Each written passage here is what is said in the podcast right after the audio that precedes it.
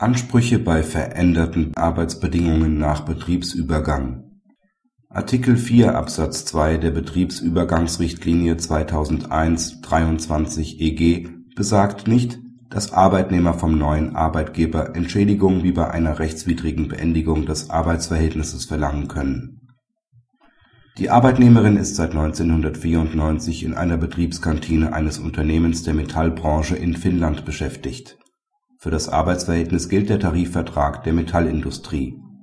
Am 31.01.2003, dem letzten Tag der Gültigkeit des Tarifvertrags, geht das Arbeitsverhältnis im Wege eines Betriebsübergangs auf die neue Arbeitgeberin über. Diese teilt der Arbeitnehmerin mit, dass das Arbeitsverhältnis ab dem 1.02.2003 unter den bei ihr geltenden Tarifvertrag des Gaststättengewerbes falle die Arbeitnehmerin verdient dadurch monatlich 300 Euro weniger. Sie verlangt die Weitergeltung des Metalltarifvertrags. Als sich die Arbeitgeberin dem verweigert, kündigt die Arbeitnehmerin fristlos und erhebt Klage zum finnischen Arbeitsgericht.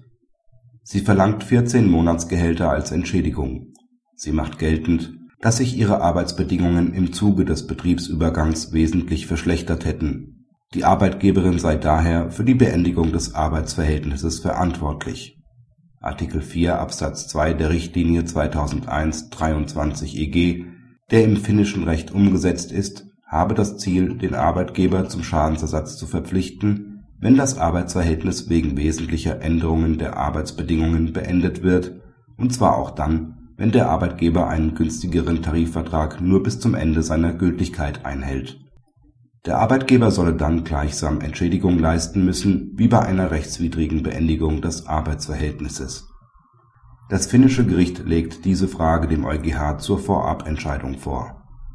Der EuGH lehnt eine solche Auslegung der Richtlinie ab, denn Artikel 4 Absatz 2 rechne lediglich die Beendigung des Arbeitsverhältnisses dem Arbeitgeber zu, wenn sie aus Gründen einer wesentlichen Veränderung der Arbeitsbedingungen nach Betriebsübergang erfolgt die sich daran anknüpfenden Rechtsfolgen regele die Richtlinie nicht.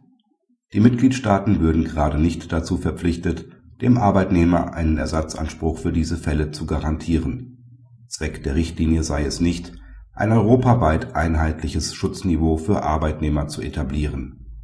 Etwaige Ersatzpflichten könnten sich nur aus den nationalen Vorschriften ergeben. Zudem sei es keine zurechenbare Verschlechterung der Arbeitsbedingungen wenn der Betriebserwerber einen günstigen Tarifvertrag auslaufen lässt.